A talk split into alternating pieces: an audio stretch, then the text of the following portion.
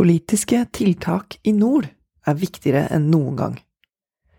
Jeg heter Anne Ekornholmen, og i dag er det 12. januar. Når politiske virkemidler evalueres, er det minst to kortslutninger å trekke. De virker, og da trenger vi dem ikke lenger. Eller de virker ikke, vi må slutte. Begge kan være feil. For hva om vi tar bort politikken? Hva ville skjedd uten tiltak eller politiske grep, uten retningslinjer og økonomisk motivasjon? Vi ville antagelig oppdaga at politikk er essensielt for å styre utviklinga og forme samfunnsstrukturene i en villa retning. I over 30 år har vekslende regjeringer håndtert Nord-Troms og Finnmark som en egen tiltakssone. Fordeler som lavere skatt, reduserte studielån, fritak for arbeidsgiveravgift og billigere strøm har vært ment å holde på innbyggere, lokke bedrifter til å etablere seg og friste flere til å flytte nordover. Statlige ordninger skal veie opp for ulemper med lange avstander, høye kostnader, mørketid og snø, for eksempel. Gjennom fjoråret undersøkte selskapet Vista Analyse, på oppdrag fra Kommunal- og distriktsdepartementet, hva de personretta distriktspolitiske virkemidlene i Nord-Troms og Finnmark har betydd. Hva er effekten, og har de virka? NRK konkluderte nylig med overskrifta Lukrative lokkemidler har ikke vært nok i nord. Nok til hva da? Nei, ikke nok til å snu flyttestrømmen og få netto folketallsvekst i nord, men kanskje nok for dem som faktisk har valgt å bli. Virkemidlene har hatt betydning de første fem–seks åra etter at de ble innført, men så avtar effekten, sier professor i samfunnsøkonomi og daglig leder i Vista Analyse, Håkon Vennemo, til NRK.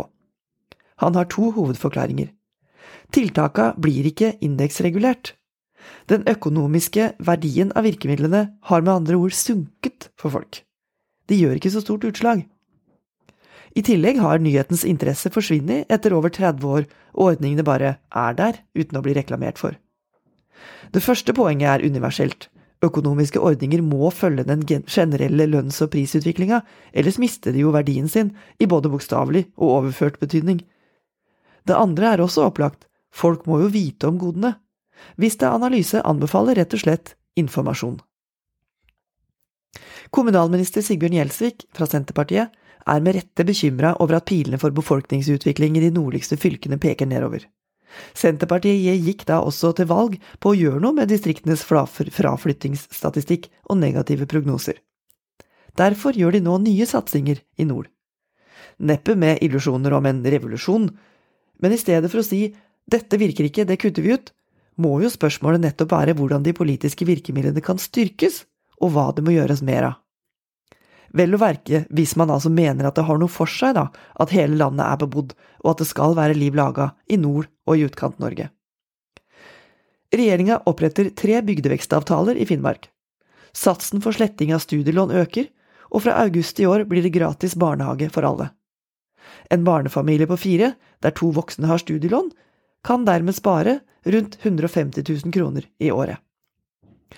Det får kanskje ikke flyttebilene til å gå i kolonnekjøring nordover og dra med seg massive næringsetableringer, men attraktive regioner å bo og drive bedrifter i blir bygd skritt for skritt. De særegne virkemidlene for Nord-Troms og Finnmark blir ikke mindre viktig i dagens sikkerhetspolitiske situasjon. Nord-Norge, med Russland som nabo, trenger folk og et fungerende sivilsamfunn. Folk er forsvar. Distriktspolitikken som ble innført for tiltakssona i 1990, har ikke stoppa fraflytting, men det kan ha bremsa sentraliseringa. Uten politisk inngripen kunne fallet i innbyggertall og aktivitet vært større. Samtidig så følger utviklinga et kjent mønster, der folk ikke nødvendigvis flytter fra landsdelen, men sentraliseres innafor regionen. Alta kommune har for eksempel hatt vekst over lengre tid, som sentrum for både næringsliv og utdanning, på bekostning av de mindre, omkringliggende kommunene. En viss sånn kannibalisering er uunngåelig, også fordi kommunene kappes om å gjøre seg attraktive for innflyttere. Gjelsvik og regjeringa sier de i samråd med kommunene og næringslivet i tiltakssona vil se på mulige justeringer av de statlige virkemidlene.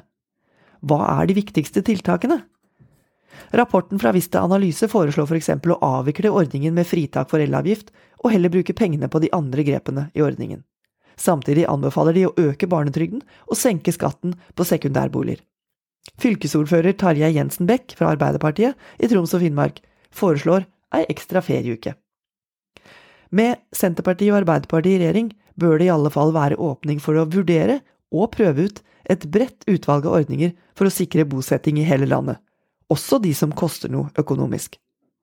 Politikk handler om å finne løsninger, og hvordan demografien og sentraliseringstakta hadde sett ut uten kraftige distriktspolitiske grep, det bør vi aldri finne ut. Nå har du hørt Nasjonen på øret. Jeg heter Anne Ekornholmen, og hvis du vil høre flere kommentarer, finner du dem på nasjonen.no og der du hører dine podkast.